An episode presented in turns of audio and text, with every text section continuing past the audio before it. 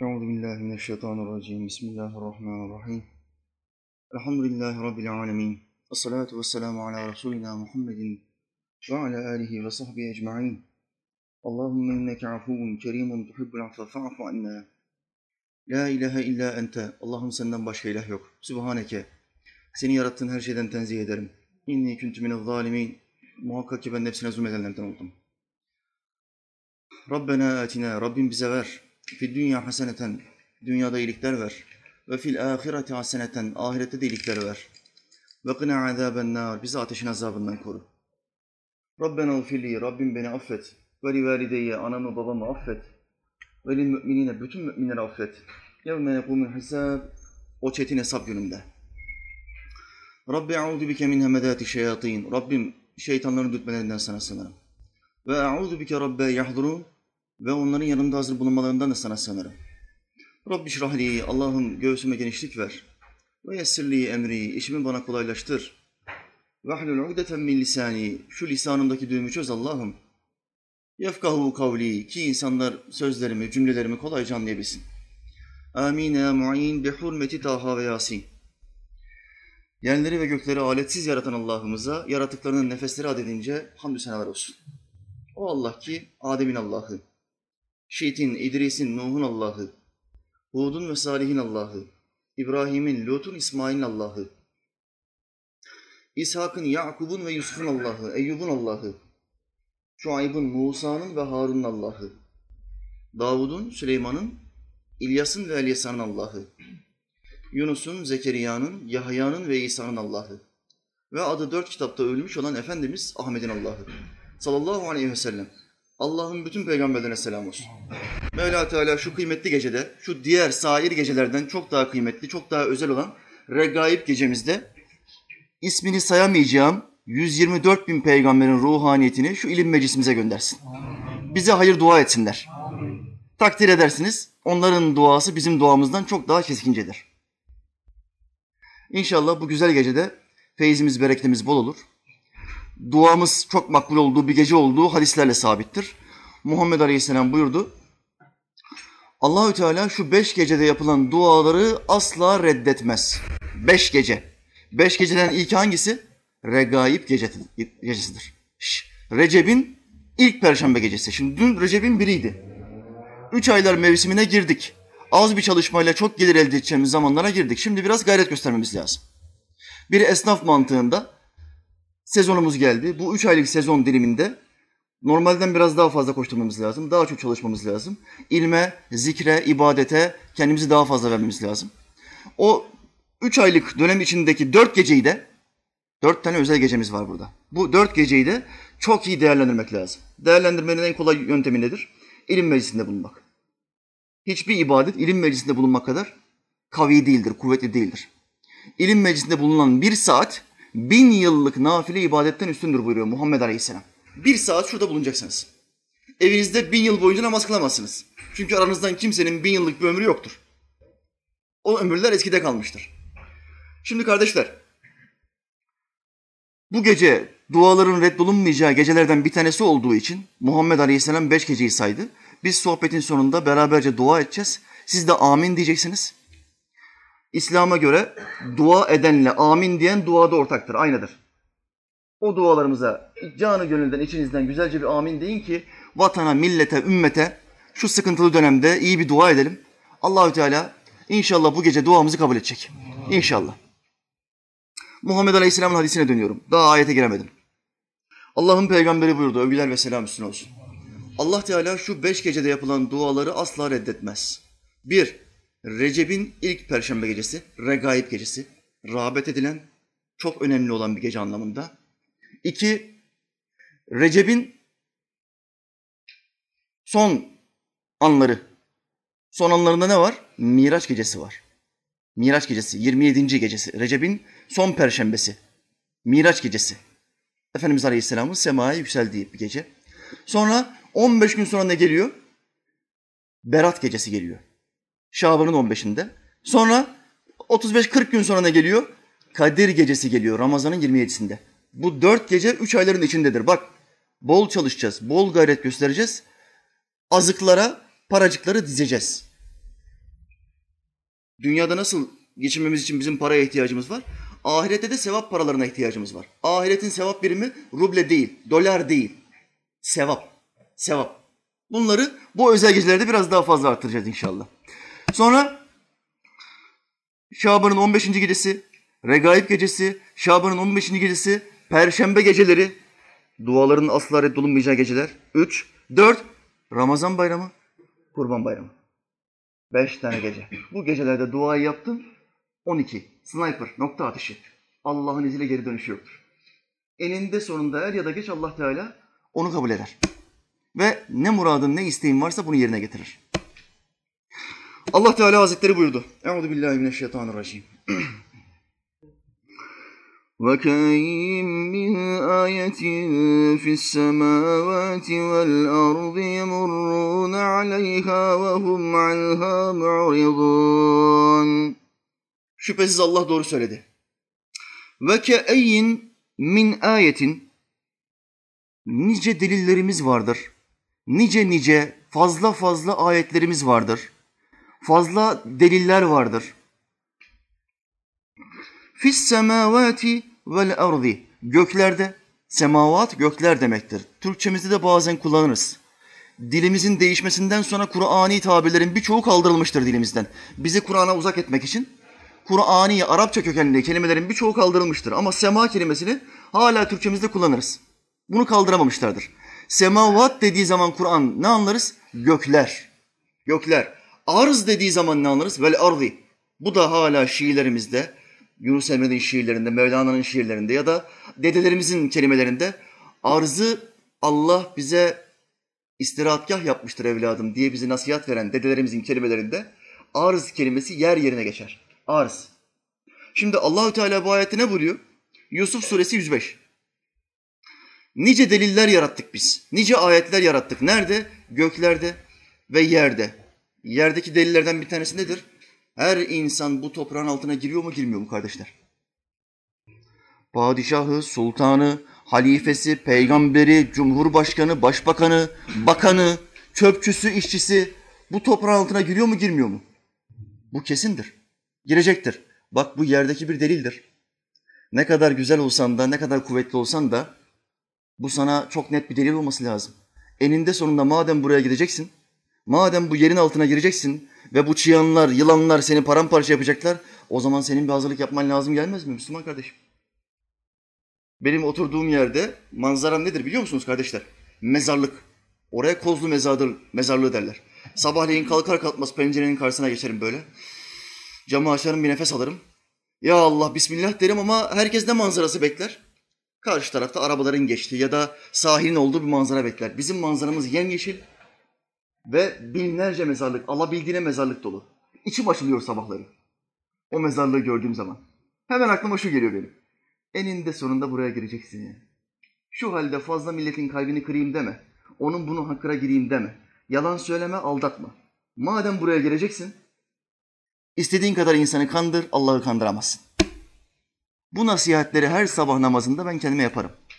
Ama birçok insan, insanların büyük çoğunluğu sabah namazına kalkmadığı için, ülkemizdeki Müslümanların beşte biri ancak beş vakit namaz kıldığı için beşte dördü bu delillerden, bu kabirlerden, bu ölümden bir haber.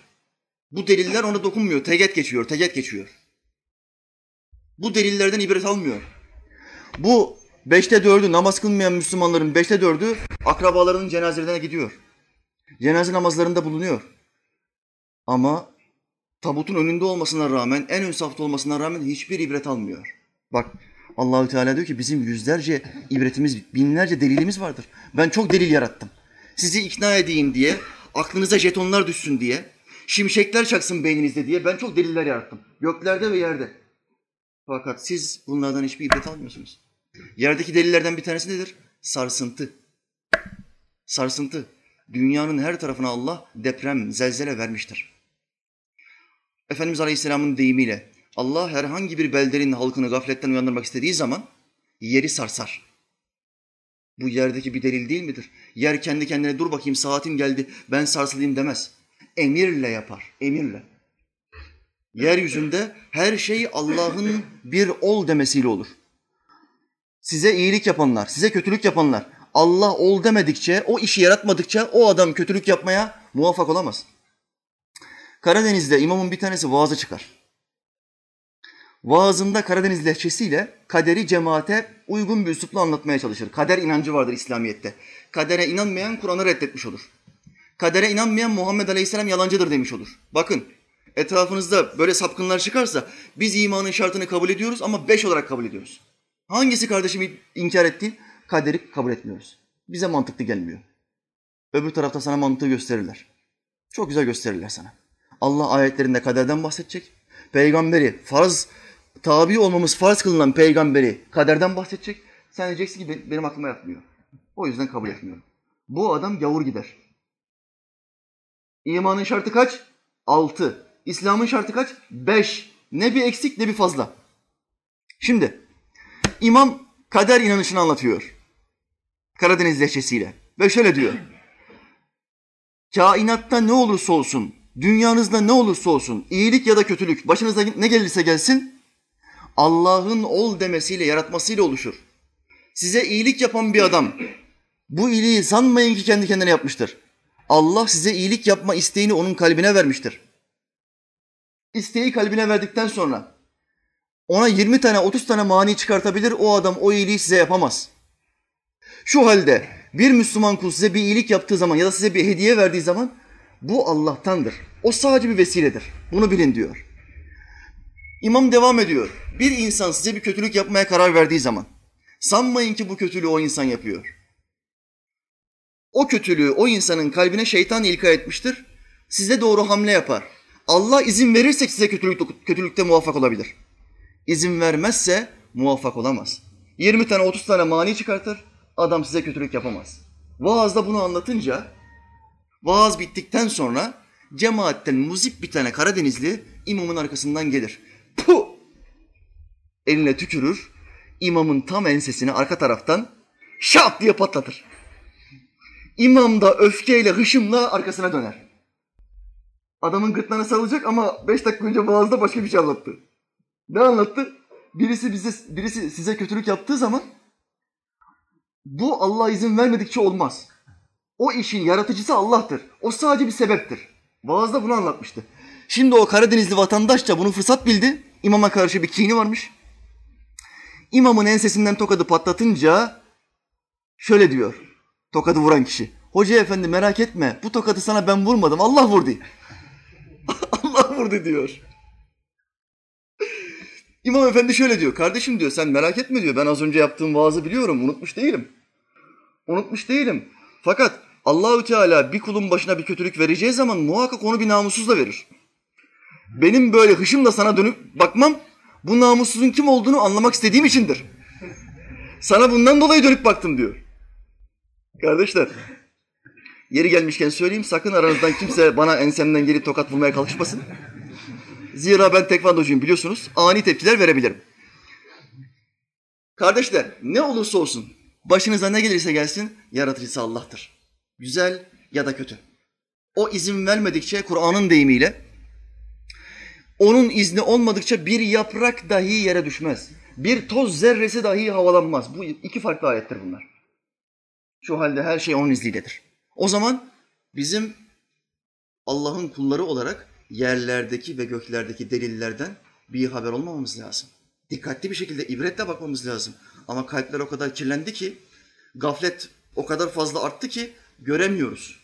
Bu delilleri, bu ibretleri göremiyoruz. Göklerdeki delillerden bir tane delil vereceğim. Bir tane delil vereceğim. Allah'ın dünyamızın komşusu olarak yarattığı bazı gezegenler var biliyorsunuz. Gezegenlerden en büyüğü hangisi? Jüpiter. Gezegenlerin en büyüğüdür. Jüpiter. Bilimin tespiti olarak söyleyelim. Jüpiter bugün bulunduğu yerde olmasaydı ne olurdu? Bütün gezegenlerin çekim kuvvetleri darmadağınık olurdu.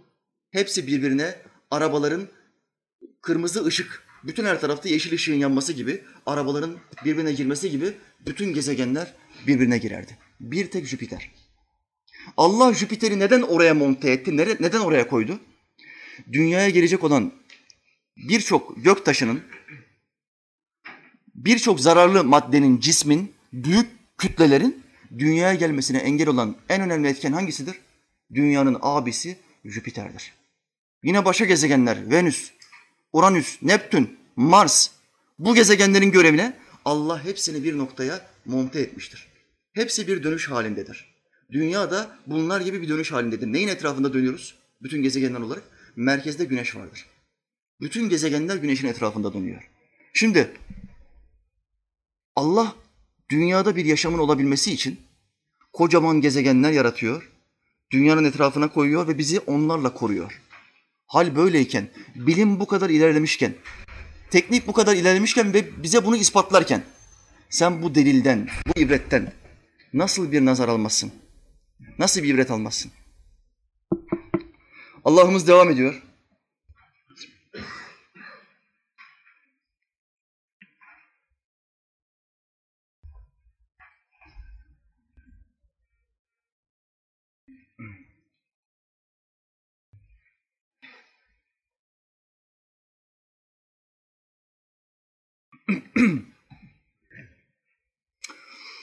Fis semavati vel ardi yemurrûne aleyha ve hum anha mu'ridûn. O insanlar onların yanlarından geçer de hiç ibret almadan başlarını çeviriverirler. Başlarını çeviriverirler diyor. Kardeşler, bu ibretlerin yanlarından geçerler, başlarını çeviriverirler. Şu anda bu ayet-i kerimeye göre gökteki bu gezegenlerin bu hareketlerini en çok bilen kimdir?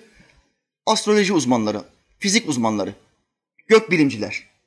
En çok iman etmesi gerekenler kimlerdir? En önde bunlar iman etmesi gerekir. Çünkü bu kitap gök bilimi hakkında onlarca bilgi bize ortaya koymuştur. 1400 sene önce kimsenin bilmesinin mümkün olmadığı onlarca bilgi gök bilimi hakkında. Bugün bilim ilerledikçe Kur'an'ın bize söylediği bu bilgileri ortaya çıkartıyor. Hepimizden önce kim iman etmesi lazım? Gök bilimcilerin iman etmesi lazım. Ama biz görüyoruz ki bilim adamları ikiye ayrılmış durumda. Bir, materyalist bilim adamları, maddeciler, maddeye tapanlar. İki, inançlı bilim adamları. Bu bilim adamları bile deliller bu kadar açık olmasına rağmen birçoğu nefsine yediremiyor. Ve diyor ki tesadüf. Bir kelimeye sığdırıyorlar. Tesadüfen oluşmuştur diyorlar. Ve işin içinden sıyrılmaya, kurtulmaya çalışıyorlar. Tesadüfle olmaz. Materyalist bilim, bilim adamları olaya nasıl bakıyor? Bir yere gidiyorsunuz, bir toprak parçasına. Toprak parçasının tam ortasına bir tane kazık dikilmiş. On tane de at bağlanmış. Kazığa on tane at bağlanmış. Atlar orada dönüyor dolanıyor. Materyalist bilim adamlarının bakışı şu. Burada bir kazık var, ipler var, atlar var. Atlar genç mi yaşlı mı? İplerin kalınlığı ne kadar, uzunluğu ne kadar, kazığın genişliği ne kadar? Materyalist bilim adamları olaya böyle bakar. İnançlı bilim adamları nasıl bakar? İki soruyu sorar. Bir, bu kazığı ve bu atları buraya kim koydu? İnançlı bilim adamı, inançlı Müslüman bilim adamı böyle yapar. Bu kazık ve bu atlar kendi kendine buraya gelemez. Birisi kazığı çaktı, peşinden atların iplerini buraya kazığa bağladı. Kim koydu? İki, ikinci soruyu da sormak zorunda. Nedir ikinci soru? Neden koydu? Kim koydu bir? Neden koydu iki? Kur'an ne diyor? Peygamber ne diyor sallallahu aleyhi ve sellem? Allah koydu. Bütün her şeyi yeryüzüne Allah koydu. Kainatı Allah yarattı. Kur'an'ın deyimiyle söyleyelim. Dağları zemin kaymasın diye, yeryüzü arz kaymasın diye dağları yeryüzüne kazık gibi çaktık. Ayettir. Kazık gibi çaktık. Materyalist bilim adamları ne diyor? Dağ var. Dağın on kademe büyüklüğünde yere doğru inmiş dağlar var. Ama tesadüfen oluşmuş. İnançlı bilim adamı ne diyor? Hayır. Kesinlikle bunu bir güç, bizim aklımızdan çok daha üstün bir akıl, bizim kudretimizden çok daha üstün bir kudret yapmıştır diyor. Müslüman bilim adamları o kazığı gördüğü zaman diyor ki güneş Samanyolu galaksisinde bir kazık. Gezegenler atlar. Her gezegenin çekim kuvveti de birer iplik mesabesinde. Bunlardan bir tanesini Allahü Teala kaldırdığı zaman bütün gezegenler birbirine girer. İşte kıyamet buna denir. Kıyamet nedir? Bütün gezegenlerin patlaması, hepsinin birbirine girmesi. Çekim kuvvetini Allah Teala'nın hepsinden kaldırması. Jüpiter'in bir çekim kuvveti var. Mars'ın çekim kuvveti var. Bunların hepsinin çekim kuvveti farklı farklıdır. Yani güncel deyimle söyleyeyim yer çekimi. Yer çekimi. Hepsinin farklı farklı. Allahü Teala Jüpiter'in ya da Mars'ın ya da Güneş'in yer çekimini biraz daha farklı limitte yapsaydı ne olurdu? Yine hepsi birbirine girer. Yaşam biterdi kardeşler. Şu halde buna sen buna sen nasıl kendi kendine olmuş diyebilirsin? Nasıl? İçe gireceksin. İnançlı bilimle uğraş. İnançlı olacaksın. Bilimle uğraşıyorsan inançlı olacaksın. Rabiatül Adeviye kadın velilerden. Allah ona rahmet etsin. Amin. Arkadaşı geldi bahar mevsiminde. Kapısına tıkladı. Ey Rabia bahar geldi. Çiçekler açtı. Ağaçlar meyveler veriyor. Kuşlar ötüyor. Allah aşkına dışarıya gel. Şu kapıdan dışarıya çık. Ve sanatı gör. Rabiatül Adeviye ne söyledi? Sen dışarıya çıkma. İçeriye gir de sanatkarı gör. Dışarıda herkes sanatı görüyor. Yazı herkes sever. Benim en sevdiğim mevsim yazdır. Kısa kollu gömlekler, rahat, ince bir elbise. İstediğin yere gidebiliyorsun. Doğalgaz faturası yok. En sevdiğim mevsim yazdır benim. Dışarıya baktığın zaman çok keyifli, çok güzel. Sanat. Ama sanatkara bakamıyorsan ne fayda? Şu halde bilim resmi met ediyor. Bilim sanatı met ediyor. Büyük bir sanat var diyor. Dağlar, güneş, yeryüzü, gökyüzü, yağmur, kar. Müthiş bir sanat diyor. Ama sanatkardan bahsetmiyor. Bilim sanatkardan bahsetmiyor. Kur'an ne diyor? Kur'an ressamı met ediyor. Bilim güneşin gücünden bahsediyor. Kur'an güneşi o yörüngeye oturtanın gücünden bahsediyor. Bilim balın faydalarını anlatıyor. Bal çok büyük bir nimettir. Müthiş bir nimettir diyor. Kur'an arıya balı yapmasını öğreteni anlatıyor. O, onun kudretini anlatıyor. Şu halde biz Müslümanların nasıl inanması lazım? İçe dönmemiz lazım. İçe döneceksin. Dışarıdan, görünenden, dokunabildiğinden, maddeden manaya döneceksin. Biz Müslümanlar manaya iman ettik. Görmediğimize iman ettik. Aranızda melek gören var mı melek? Hayatınızda hiç melek gördünüz mü? Görmedik. Ama bu kitap diyor ki melek var. Ben melekleri yarattım diyor bu kitap. Şimdi senin önünde iki tane yöntem var. Ben bilime tapıyorum, maddeye tapıyorum, görmediğim şeye inanmam diyeceksin. İki, Allah bana melek var diyorsa benim için bitmiştir diyeceksin. Allah'ın peygamberi aleyhissalatü vesselam hadislerinde meleklerden bahsettiyse bitmiştir. Ahiret, cennet, cehennem bahsettiyse benim için bitmiştir diyeceksin. Bu imandır. Bizim inancımız 60 yaşına kadar gelmiş, hiç namaz kılmamış, Kabe'ye gittiği zaman namaza başlayan, gittiği anda namaza başlayan bir hacı gibi olmamalıdır. Bakın bugün hacıların büyük çoğunluğu Kabe'ye gidiyor, namaza orada başlıyor. 55 yaşında, 60 yaşında, 70 yaşında namaza başlayan ben şahidim. 2007'de hacca gittim. 70 yaşında hacca gelmiş, namazı orada başlamış. Fetvasını bize soruyor. Rükû nasıl oluyor, secde nasıl oluyor? Allahu alem cumaya bile gitmemiştir belki. 70 yaşında hanımın baskısıyla oraya gelmiş. Ne düşünüyor? Allah burada Kabe'nin neresinde oturuyor hocam? Haşa ve kella. Kardeşler Allah oturur mu, kalkar mı, gelir mi, gider mi? Bu vasıflar insanlar için konulmuş olan vasıflardır. Allah bu vasıflardan münezzehtir. Allah gökte ya da yerde değildir. Onun mekanı yoktur. Allah mekansızdır. Mekan sahibi olmak yaratılanlara mahsustur. Sonradan yaratılanlara mahsustur. Ama hacıların birçoğu bugün ne diyor? Kabe'nin bir tarafında Allah oturmuş, bizi seyrediyor. Bizi kayda geçiriyor. Kabe'den çıktığımız zaman, evimize döndüğümüz zaman istediğimiz gibi rahat bir şekilde davranabiliriz. Öfkelendiğimiz zaman küfür edebiliriz. Eskisi gibi kahveye gidip iddiasına o kağıtlardan oynayabiliriz. Kumar oynayabiliriz. Şehvetlenebiliriz. İçki içebiliriz. Hayır kardeşim. Hac demek başlangıç demektir. Hac bitiş değildir. O senin başlangıcındır. Üstadım İhramcızade hac hakkında hep şöyle derdi. Hacıların birçoğu Kabe'ye gider, şeytanı taşlar. Birçoğunu şeytan taşlar. Bak Kabe'ye niçin gidiyoruz biz? Kabe vazifemizi yaptıktan sonra kurbanı falan kesiyoruz. Ondan sonra nereye gidiyoruz? Şeytan taşlamaya gidiyoruz. Birçoğu şeytanı taşlamaya gidiyor fakat birçoğunu şeytan taşlıyor. Şeytana taş, taş atarken küfreden acı var mı? Gittiğiniz zaman göreceksiniz. Ya hocam olmaz o kadar da ya. Gittiğin zaman gör. O zaman benim resmim gözünün önüne gelecek. Aa hoca bize söylemişti be. Şeytana taş atarken küfreden acı gördüm ya. Kim taşladı şimdi? Bu mu şeytanı taşladı? Şeytan mı bunu? Şeytan bunu taşladı. Müslüman sen böyle olmayacaksın. Sen böyle olamazsın. Senin bir farkın olması lazım. Sen manaya iman ettin. Allah innehu huves semi'ul basir ayetine iman ettin sen. O, o her an işitir, her an görür. Sen buna iman etmişken nasıl yalpa çizersin? Bazen görür, bazen göremez dersin.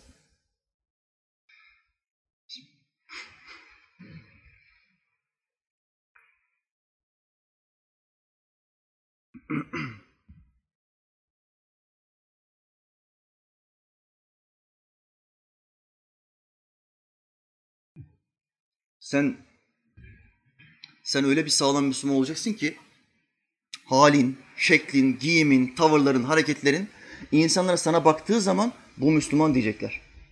Kendinin Müslüman olduğunu söylemeye ihtiyacı hissetmeyeceksin. Dinin ve inancın bir kimlik gibi, bir elbise gibi. Sokakta bir polis memuru gördüğünüz zaman polis kıyafeti giymiş ne dersiniz? Bu polis. Bir asker elbisesi giymiş adam gördüğünüz zaman ne dersiniz? Asker bu. Bak üzerinde bir kimlik var. Elbise.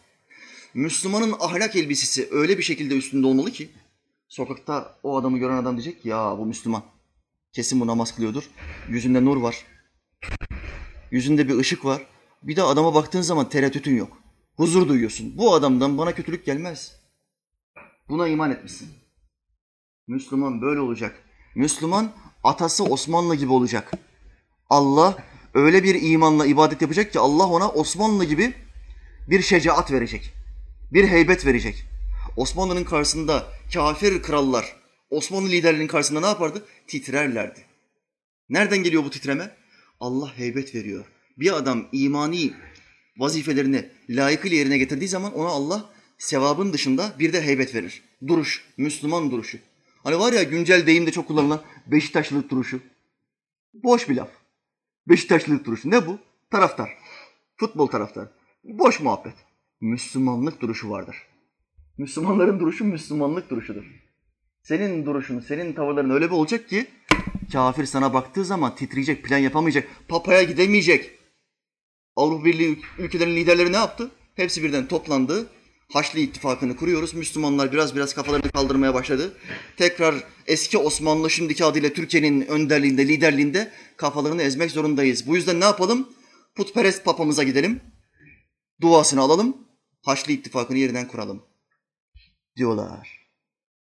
Sen buna mahal vermeyeceksin. Öyle bir kuvvetli olacaksın ki senden korkacaklar. İttifak bile kuramayacaklar. Tarihten bir olay nakledeyim atalarınızdan, dedelerinizden. Ceddimiz Osmanlı Amerika'dan 20 yıl kadar vergi almış bir millettir. Dünyada Amerika'dan vergi alan tek millet kimdir? Atamız Osmanlı'dır. 20 sene. Aldığı vergilerin bir miktarı da ne suretle alınmıştır? Ticaret gemilerinden alınmıştır. Osman Amerika'nın ticaret gemilerinden. Ne sebeple alınıyor?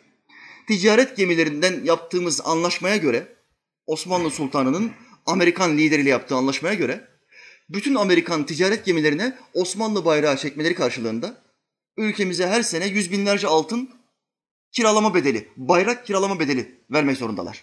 Amerika Birleşik Devletleri. Şimdinin süper gücü. O zaman biz süper güçtük. Dört asır süper güç olarak kaldık. 623 yıl Osmanlı ikame oldu, ayakta kaldı. Bunun dört asırında dünyaya hükmetti. Sözümüzün geçmediği tek ülke Birleşik Krallık'tı, İngiltere. En büyük rakibimiz oydu. Bunun dışında bütün dünya bize biat etmişti. ABD dediğiniz şimdinin 50-60 senelik süper gücü. Bize vergi veriyordu. Neden? Osmanlı'nın bayrağını koysun diye gemiye. Neden böyle bir şey yapma ihtiyacı hissediyor? Niye kendi bayrağını koymuyor? Çünkü korsanlar Osmanlı bayrağı dışındaki bütün bayraklı gemilere saldırıyorlar. Osmanlı bayrağını gördüğü anda o gemiye saldırmıyorlar. Yakın bir örnek getireyim size. Şimdi bizim bu güneyde savaştığımız DAEŞ ve PYD var ya, PKK'nın Suriye kolu PYD. PYD'liler ne yapıyor şimdi? Onları biz bombalamayalım diye, vurmayalım diye ne yapıyorlar? Kendi karakollarına, kendi bayraklarının yanına hangi bayrağı koyuyorlar? Amerikan bayrağı koyuyorlar. Neden? Süper güç. Ben sırtımı buraya dayadım diyor. Erkek sen vur diyor. İşte Amerika'da o zaman ne yapıyordu? Osmanlı bayrağını koyuyordu karakollarına, gemilerine. Ve bize vergi veriyordu. Biz böyleydik kardeşler. Neden? Bu kitaba dört elle sarılmıştık. Ama şimdi ülkemin Müslümanlarının yüzde doksanı bu kitabı okumasını bilmiyor. Ve sonra şöyle diyor. Allah bize niye yardım etmiyor? Biz Müslümanız halbuki. Utanman lazım. Şu cümleyi kurarken utanman lazım. Sen Allah'ın kitabını okumayı bilmiyorsun ya. Allah'tan kork ya. Hangi yüzle Allah'tan yardım istiyorsun?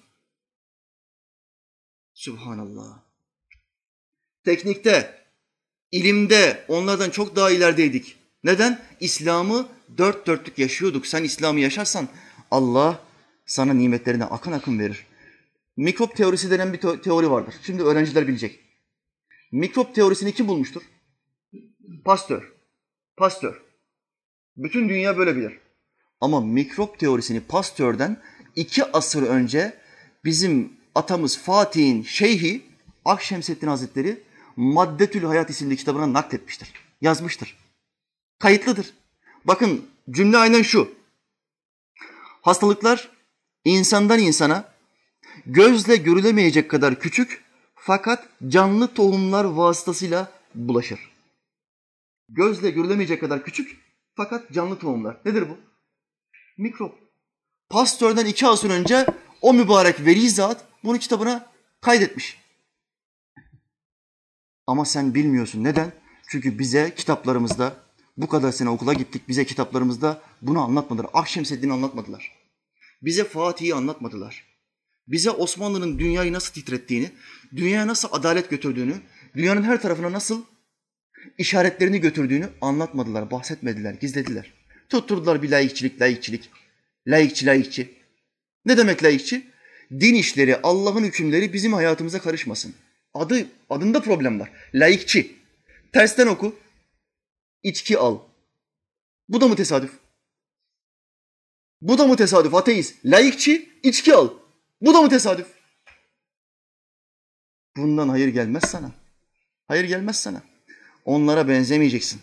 Onlara benzediğin zaman Allah kudretini, gücünü çeker. Senden alır.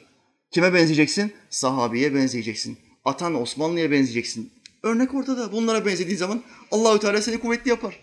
Bütün dünya karşına gelir ve böyle durur. Abi, abi ne istersin der. Bunu yapacaksın. Benzeyiş en ufaktan başlar. Yemekten içmekten başlar. Onlar gibi yemeyeceksin, onlar gibi içmeyeceksin. Geçen akşam eve gittim. Oturdum. Hatun dedim bir sofra kur. Tak sofraya geldi fasulye. Kardeşler bir Müslüman Türk'ün sofrasına fasulye geldiği zaman hemen peşinden hangi yemek gelir? Pilav gelir. Bunlar şotayla arşlı gibidir. Asla ayrılmaz. Bunlar yan yanadır. Benim yemek usulüm nasıl? Kaç çeşit yemek var? İki çeşit mi? Muhakkak hepsi sofrada olacak aynı anda. Bir tabağı bitireyim sonra başka bir tabak gelsin olmaz. Neden böyle? Bütün yemeği orada görürsem midemin üçte ikisini doyururum, üçte birini boş bırakabilirim. Ama bir tabağı yerim, peşinden bir tabak daha, peşinden bir tabak daha, mecburen kalmasın diye yemek zorunda kalırım. Bu sefer sünnetten uzaklaşırım. Müslüman mideyi doyurmadan kalkar. Muhammed Aleyhisselam buyurdu. Sıhhatin başı midenin üçte birini dolduracaksın. Üçte biri yemekle, üçte biri suyla, üçte biri havayla dolu olacak. Bizim ölçümüzde midenin üçte üçü yemekle, yemek borusu da sıvıyla, tatlıyla, meyveyle. Bak mide tamamen yemekle dolduruluyor bir kere. Yemek borusunu da sıvıyla dolduruyor. Sübhanallah. Arnavut'un bir tanesi oturmuş sofraya. Bizim Arnavutlar kaymaçına denen bir yerel tatlımız vardır bizim. 40 yumurtalı. 3 kilo şeker, 40 yumurta. Ölümcül bir tatlıdır. Ölümcül. Kaymaçina. Unutmayın bunu. Kabirde falan çıkabilir. Arnavut'un bir tanesi oturmuş sofraya, iftarı yapmış, yemeği yemiş, peşinden de hatun sürpriz sana bey demiş. Zaten iftarı yaptık, mide doldu. Sürpriz ne geliyor? Kaymaçina. Arnavutlar kaymaçinayı bulduğu zaman besmeneyi unutur. Adam bir başlıyor kaymaçinayı yemeye, artık gırtlak bu yemek borusuna kadar, gırtlağa kadar kaymaçinayla doluyor. Hemen kalbi kilitleniyor, nefes alamıyor, doktora yetiştiriyorlar. Doktor diyor ki kardeşim diyor acilen diyor şu hapı içmen lazım. Yoksa diyor gideceksin bak çok fena şeyler olacak diyor. Ya doktor bey diyor hapı içecek takatim olsa iki kaşık daha kaymaçını yerim zaten diyor. hapı içecek yeri yok diyor. Sen başka bir şey yap bana diyor. Başka bir şey yap diyor. Bu İslam'a uymuyor. Bu yemek tarzı İslam'a uymuyor kardeşler. Olmaz. Şimdi hatun bana bir çıkarttı fasulyeyi. Peşinden bekliyorum şimdi. Kesin ne gelecek bana? Ya pilav gelecek ya bulgur gelecek.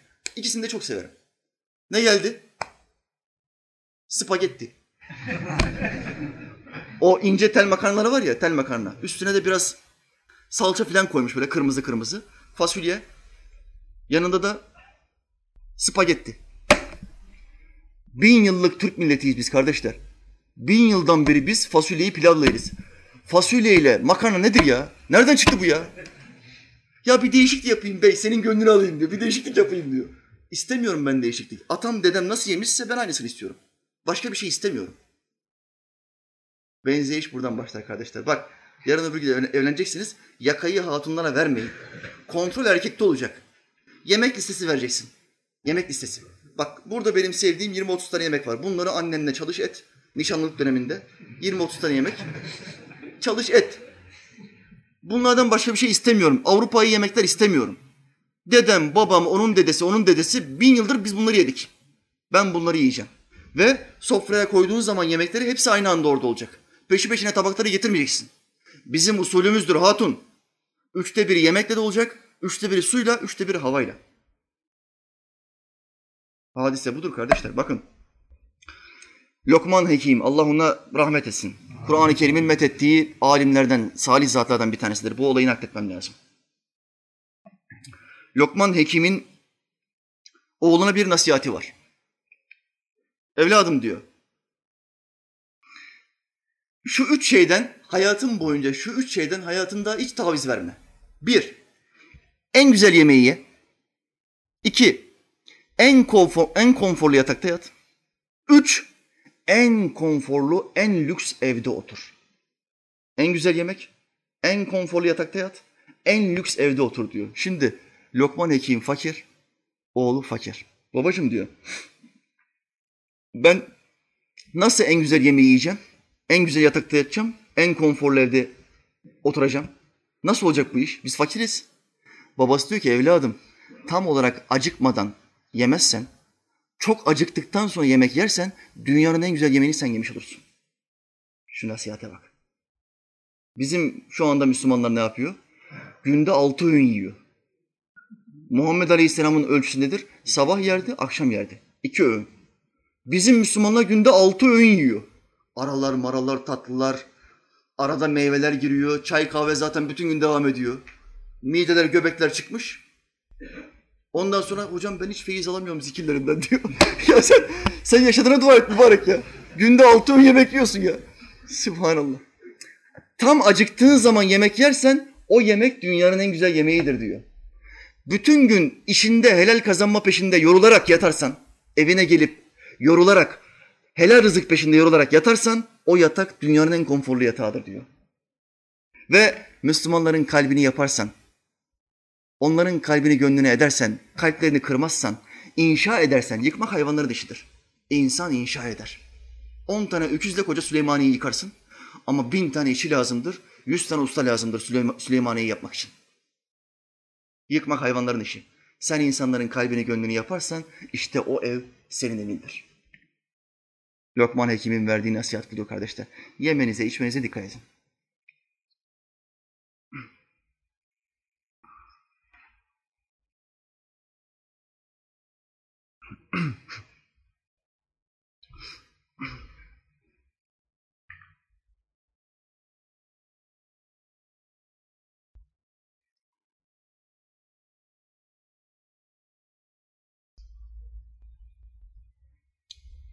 Kardeşler, insanların kalbinde, gönlünde yer etmek istiyorsak, onların muhabbetlerini, sevgilerini kazanmak istiyorsak, yani hadis-i şerifin deyimiyle, iman, etmeci, iman etmedikçe cennete giremezsiniz. Birbirinizi sevmedikçe de iman etmiş olmazsınız. Bakın birbirimizi sevmemiz iman etme ölçüsü olarak kabul ediliyor. Muhammed Aleyhisselam'ın buyurmasıyla. Şu halde Müslüman kardeşini sevmeden, kendini ona sevdirmeden cennete giriş yok. Peki nasıl sevebiliriz? Nasıl sevdirebiliriz? Sevmek istiyorsan bir kere kinciliği terk edeceksin. Kini bırakacaksın. Affedeceksin. Bak affetmek bir keredir. Bir kere affet, unutursun. Ama kin gütmek ömür boyudur. Ömür boyu o kin yükünü kalbinde ve ciğerlerinde taşımak zorundasın. Bu çok zordur. Kapkara bir ciğerle, kapkara bir kalple yaşamak zorundasın. Bu zordur. Ama bir kere affettiğin zaman tertemiz olur, silinirsin. Allah'ın kulları affeden kulu sever. Affet. Sana yapılan bütün kötülükleri affet. Yalnız ben size affetmemeniz gereken, hayatınız boyunca buğz etmeniz gereken iki tane adam söyleyeceğim. Bir, dinine ihanet edeni affetmeyin. İslam'a ihanet edeni affetmeyin. İki, vatanına ihanet edeni affetmeyin. Affederseniz siz de zalimlerden olursunuz. Zalim olursunuz. Bakın, FETÖ denilen bir terör örgütü vardı. Bunlar ne yaptı? Önce dine ihanet ettiler. Allah çarptı, peşinden vatana da ihanet ettiler. Suçları ayyuka çıktı. Dine nasıl ihanet ettiler? Yahudi ve Hristiyanlarla alakalı bütün ayetleri inkar ettiler. Allah bu kitapta onlarca yerde Yahudi ve Hristiyanların müşrik olduğunu, kafir olduğunu, ebedi olarak ateşe gireceklerini söylüyorlar. Söylüyor. Neden söylüyor? Son peygamberi Muhammed Aleyhisselam'a ve son şeriatı İslam'a inanmadıkları için.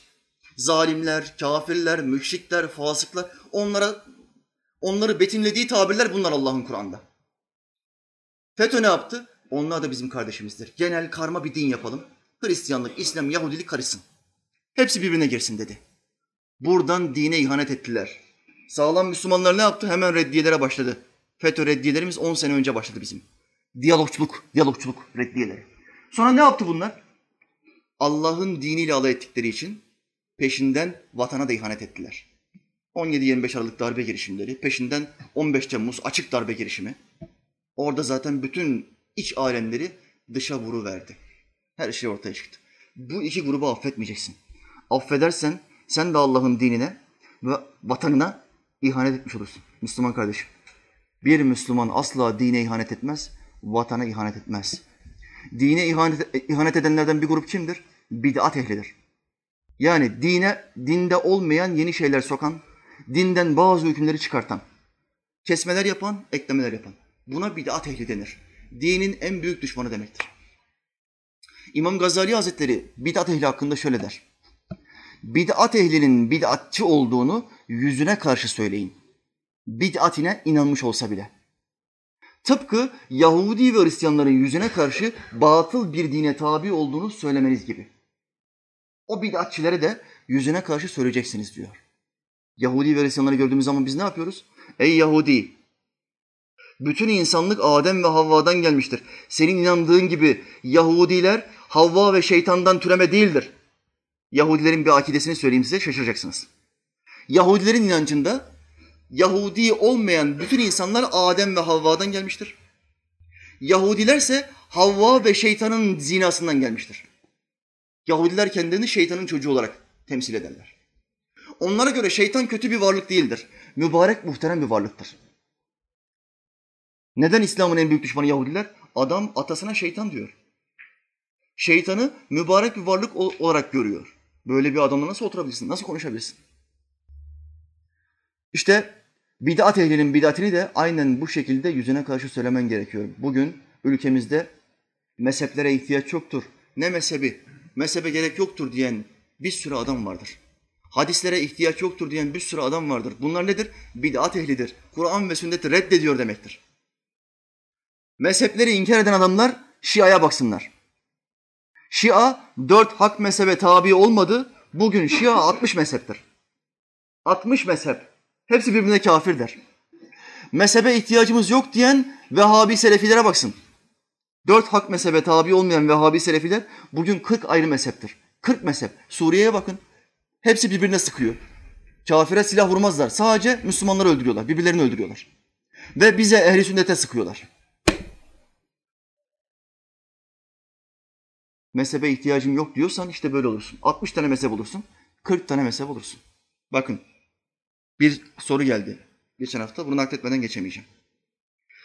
Vatan sevgisi imandandır sözü hadis midir? Şimdi Vehhabi bana mesaj yazmış. Biz vatan sevgisi hakkında sohbetler yapınca, yazılar yazınca Vehhabi bana mesaj atmış. Ne diyor mesajında? Vatan sevgisi şirktir hoca. Sen ne anlatıyorsun? Şimdi hadi biz Osmanlı'nın çocukları. Osmanlı'nın torunları. Bu kimin çocuğu? Kimin çocuğu bu? İngiliz'in çocuğu oldun mu vatan sevgisi şirktir dersin. Vatan sevgisi şirk. Niye kardeşim senin bu vatanda ne zorun var? Sen burada doğmadın mı? Burada doğdum ama ben artık öğrendim. Hocalarım İngiltere'den ders aldı. İslam'ı İngiltere'den öğrendi. Ben artık öğrendim ki bu ülkede oy vermek şirkmiş. Müslümanların oy vermemesi gerekiyormuş. Bunların hepsinin ağzında bu kelime var seçimler yaklaştığı zaman hemen ortaya çıkarlar. Derler ki oy vermek şirktir. Sakın oy vermeyin. Bir tanesine sordum. Planın nedir kardeşim dedim. Tamam. Oy vermek şirktir diyorsun. Bu kadar yazdığım ayeti hadisi inkar ediyorsun. Planın ne peki? Amacın ne senin? Oy vermediğin zaman nasıl idareyi ele alacaksın? Benim sistemim belli. Müslümanlar daha kalabalık olacak, daha çok oy kullanacaklar. Başa Müslüman idarecileri koyacaklar. Ve bizi Müslümanlar yönetecek. Sistem bu. Senin sisteminle bana sistemini anlat. Vehhabi ne dedi biliyor musun? Bakın İngiliz'in ifal ettiği, iyiliş ettiği bir zihin nasıl hüküm veriyor? Bize göre Müslümanların hiçbir tanesi oy kullanmayacak. İdare tamamen kafirlerin ve kafirlerin hizmetkarlarının eline geçecek. İdare tamamen kafirlerin, İngilizlerin ve Amerikalıların eline geçtiği zaman da biz cihad ilan edeceğiz. Ve kıyım başlayacak. İç savaş. Plan bu, kafa bu. Broşür bastırmışlar ya. Oy vermek şirktir diyen adamlar broşür bastırmışlar. Tek adamlık Allah'a mahsustur diyor. Tek adamlık sakın diyor bu referandumda evet demeyin diyor. Oğlum sen değil miydin oy vermek şirktir diyen? Şimdi diyorsun ki oy verme ama hayra ver. Hani oy vermek şirkti? Hep çakallık, hep düzmecelik. Yeter ki ümmet zarar görsün. Bakın kardeşim soruyor. Hocam selamun aleyküm. Vatan sevgisi imandandır sözü bir hadis midir? Yoksa kelamı kibar mıdır? Ve aleyküm selam. Vatan sevgisi imandandır diye bir hadise ben rast gelmedim. Alimlerin zikrettiği bir kelamı kibar olabilir. Lakin bu güzel sözün doğruluğunu ispat eden iki sahih hadisi zikredebilirim. Resulullah Aleyhisselam buyurdu. Allah rızası için bir gün nöbet beklemek dünya ve dünya, dünya ve dünyadakilerden daha hayırlıdır. Bakın bir gün nöbet beklemek. Kim nöbet, nöbet bekler? Asker nöbet bekler. Polis nöbet bekler. Kim için? Allah rızası için. Vatanın yoksa, sana ait bir toprak yoksa nerede nöbet bekleyeceksin? Bu hadisten ne ortaya çıkıyor? Vatan için bir gün nöbet beklemek bütün dünya ve içindekilerden daha hayırlıdır.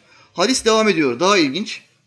Sizden birinin kamçısının cennetten işgal ettiği bir yerde dünyadan ve dünyadaki her şeyden hayırlıdır. Aramızdan bir tanesinin bir kamçısı olsa.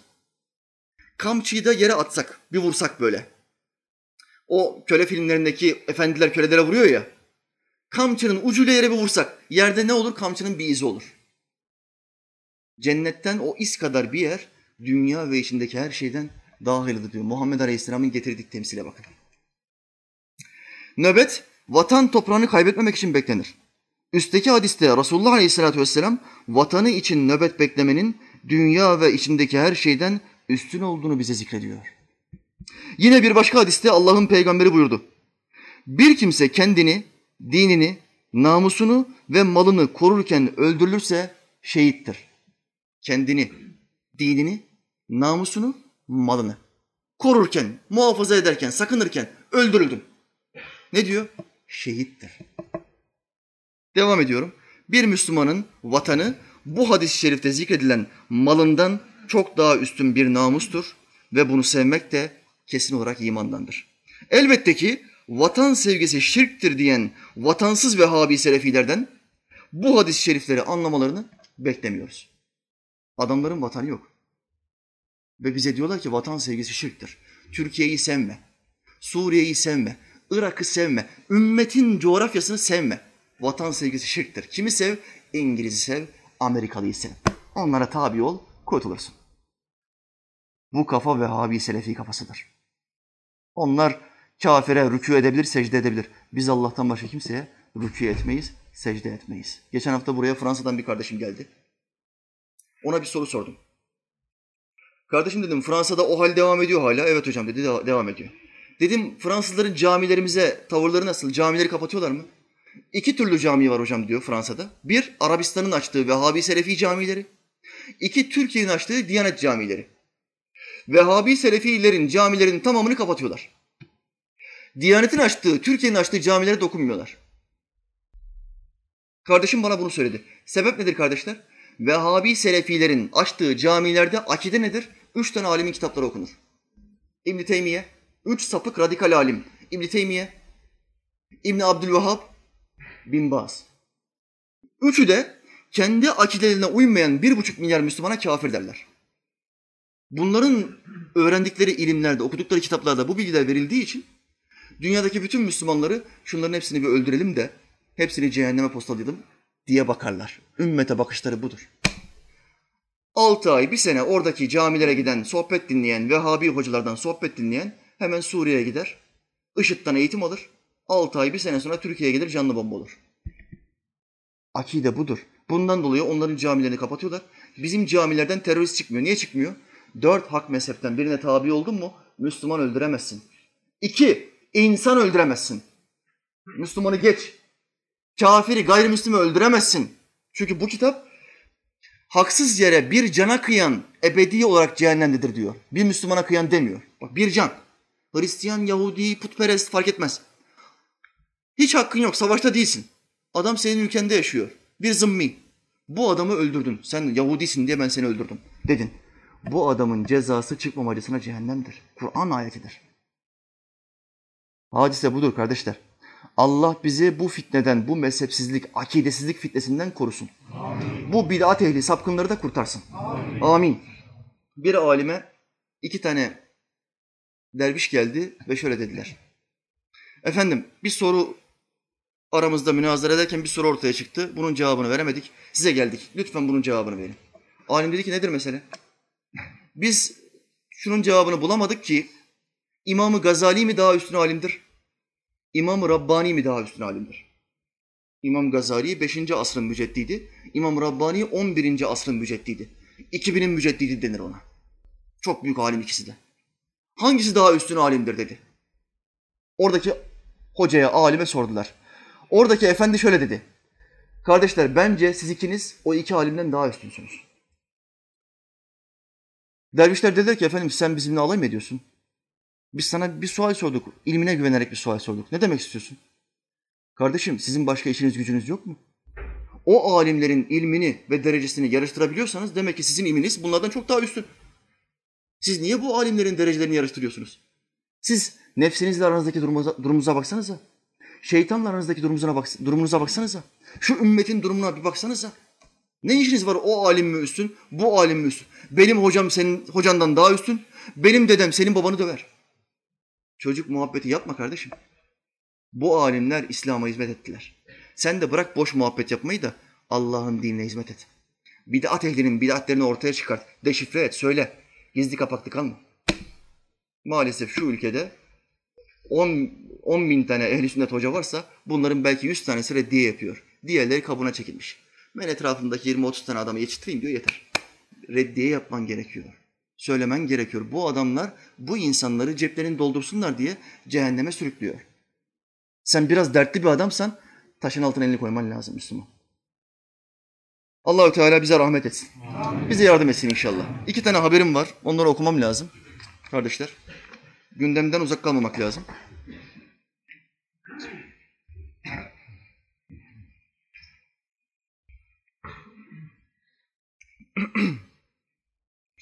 ABD'li vampir idam edildi. ABD'de en çok vampir filmi nerede çıkıyor kardeşler? ABD'de. Neyi izlersen, neyi seversen o olursun. Adam seyretmiş vampir filmlerini seyretmiş. En sonunda demiş ki ben de vampirim. ABD'nin Texas eyaletinde 18 yıl önce 12 yaşındaki bir erkek çocuğu öldürerek kanını içen 38, 38 yaşındaki Pablo Lucio Vasquez idam edildi. Aksanındaki kaliteyi görüyorsunuz. Pablo Lucio Vasquez. 38 yaşında. 12 sene önce çocuğu öldürmüş, kanını içmiş. 98 yılında Vasquez, David Cardenas adlı çocuğun boğazını kesip kafasını kopartmaya çalıştıktan sonra kanını içtiği için vampir diye ülkede anılıyordu. Huntsville kentindeki Texas eyalet hapishanesinde ölümcül dozda falanca ilaç enjekte edildikten 24 dakika sonra ölen Vasquez, İdamı izlemek için gelen kurbanın iki kız kardeşi ve kuzeninden özür diledi. Vasquez, affedilmemin tek yolu bu, adalet sağlanıyor dedi. Bu yıl ABD'de 11 kişi idam edildi. Mahkeme, avukatların, müvekkillerinin akıl sağlığının yerinde olmadığını yönelik iddiasını geri çevirmişti. Bu 2016 yılı içinde Teksas'taki 6. ABD genelindeki 11. idam oldu. Bakın bir yıl içinde 11 tane idam yapmışlar. Bir yılda 11 idam bizim ülkemize idam yapmayın diyor. Çok gericilik diyor idam. Sen idam yapıyorsun. Rusya idam yapıyor, Çin idam yapıyor. Bunlar üç tane süper güç. Ben idam yapmak istediğim zaman gericiliktir diyorsun. Böyle iş olur mu? Bizim dinimize göre, bu kitaba göre bir kadına tecavüz eden bir erkeğin cezası nedir kardeşler? Ölümdür, ölüm. O adamın yaşamaya hakkı yoktur İslam'a göre. Hemen idam edilir. Peki Avrupa'ya göre bu cezanın karşılığı nedir? Barbarlık bu canım. Barbarlık. Kur'an barbar, İslam barbarca bir din. Bu bu idam cezasını Allah'ın verdiği bu hükme barbarlık diyen bu batılıyı çevirin. Yüz tane batılıyı çevirin ve sorun. Deyin ki senin kızının, karının, annenin, ablanın, kız kardeşinin başına böyle bir şey gelse, bir tecavüz vakası gelse ve sana devlet dese ki bu adamın cezasını verme aidiyetini sana veriyorum, kuvvetini sana veriyorum. Ne yaparsın bu adama? Bakın yüzünden yüzde der ki idam ederim, öldürürüm. Çünkü idamdan başka, onu öldürmekten başka hiçbir şey kalbini teskin edemez, öfkesini teskin edemez. Ancak öldürerek öfkesini teskin edebilir. Ee, peki senin kız kardeşine, senin annene yapıldığı zaman öldürürsün de başkasının annesine, kız kardeşine tecavüz yapıldığı zaman neden barbarlık diyorsun? Allah nizamı korumak için, insanlar arasındaki nizamı korumak için korkutucu, caydırıcı önlemler almıştır. Buna şeriat denir. Yaparsan cezası ölüm. İstiyorsan 15-20 dakikalık zevki yap. Ama sonucuna katlanacaksın diyor. Bugün Amerika'da bir yılda, her yılda 20 bin kadar tecavüz vakası. 20 bin. Her yıl 20 bin tecavüz vakası yaşanıyor. 20 bin kardeşler. Saniyeler içinde onlarca tecavüz vakası. Hesap edin. Bu Amerika'da Allah'ın hükmüyle hükmedilseydi birkaç tane tecavüzcüyü sallandırsalardı tecavüz kal- kalır mıydı kalmaz mıydı? Artar mıydı eksilir miydi? Eksilirdi. Bizim ülkemizde de oluyor tabii ki onlar kadar değil. Avrupa'dan bir örnek vereyim. Avrupa'da en çok tecavüz yapılan ülke neresi? İsveç. İsveç'in resmi dinine ateizm. Modern bunlar. Ateizm bırakın dinleri ya. Hoşgörü içinde yaşayın. Modernizm içinde yaşayın. Ateist İsveç. Nüfusu az, gelir miktarı yüksek. Tecavüzün en çok yaşandığı ülke. Buyur. Ne kadar modernsiniz ya. Allah'ın hükmüyle hüküm verdiğin zaman, şeriata göre yaşadığın zaman bütün suçların azaldığını görürsün. Hesap basittir. Yap. Sonuçları gör. İslam tarihinden bir örnek vereceğim. Bu konuyu kapatacağım. Efendimiz Aleyhisselam ve beş halife dönemi. 30 sene beş halife dönemi sürdü. 23 sene Efendimiz Aleyhisselam'ın peygamberliği dönemi. 53 sene. 53 senede zinadan dolayı öldürülen insan sayısı. Sizce kaçtır kardeşler? 53 sene içinde zinadan dolayı öldürülen insan sayısı. Kaç? 10. 10 tane. Toplam 10 tane. 53 senede. Yüz binlerce insan var. Neden? Yapamıyor, korkuyor. Zina yapmaya korkuyor. Can var sonunda. Tamam 15-20 dakika keyif alacağım da can gidecek. Şeriatı uygula, sonuçları gör. Matematiktir bu. 2 artı 2 eşittir 4. Kimse 8 diyemez. Bir haber daha okuyayım. Bu bekar kardeşlerimize alakadar ediyor. Kardeşler bu haberi lütfen dikkatli dinleyin. Turist kızı etkilemek için timsah dolu nehre girdi. Bak yeminle şehit falan sayılmazsınız he. Ben evleneceğim hocam hayırlı bir niyetim var. Dur şu kızı etkileyeyim, nehre bir gireyim falan. Şehit sayılmazsın. Niyazi olursun, niyazi. Buna intihar denir çünkü. Avustralyalı Lee Di Pao ülkeye turist olarak gelen Sophie Peterson'ı etkileyebilmek için hayatını riske attı. Avustralya'daki timsahların yerleri değil turistleri ısırmaya daha yatkın olduğu iddiasında bulunarak bunu kanıtlamak isteyen Depau, Depao'a göre timsahlar yerleri ısırmıyormuş, yabancı turistler geldiği zaman ısırıyormuş. Hayvan bu. Ne bilir yerliyi yabancıyı ya? Hayvan bu. Kafa çalışmıyor. Çocuk kızı görünce şehvetten beyni bulanmış. Bir teori ortaya atmam lazım diyor benim. Teoriyi kıza söylüyor. Fakat ilginç bir teori. İspatlaması lazım. Dur diyor şimdi ben sana bunu ispat edeceğim. Tak nehre dalıyor. Timsahlarıyla ünlü Johnston nehrine atlayarak dev bir timsahı yakaladı. Atlamış bir de Cüneyt Arkın gibi timsahı yakalıyor. Genç timsahı önce burnundan tutarak metrelerce sürükledi. Ardından kaçabilmek için timsahın gözüne yumruk attı. Önce burnuna parmaklarını sokuyor. Sonra timsah kuvvetli tabii. Bir iki hamle yapınca suyun içinde hareket kabiliyeti kısıtlı. Bir iki hamle yapınca ısırmaya başlıyor bunu. Hemen gözüne yumruk vurmaya başlıyor. Senin yumruğundan ne olur? Timsah, nehir timsahın hareket alanı. Şu anda deplasmandasın. Deplasmanda Barcelona'ya gitmiş Kayseri Spor gibisin şu anda. Bir şey yapamazsın. Sol kolu kırıldı. Sol kolu kırılan Avustralya, Avustralyalı gencin hayati riskinin bulunmadığı kaydedildi. Ancak vücudunun çeşitli yerlerindeki incinmeler nedeniyle bir süre hastanede tetkik altında tutulacak.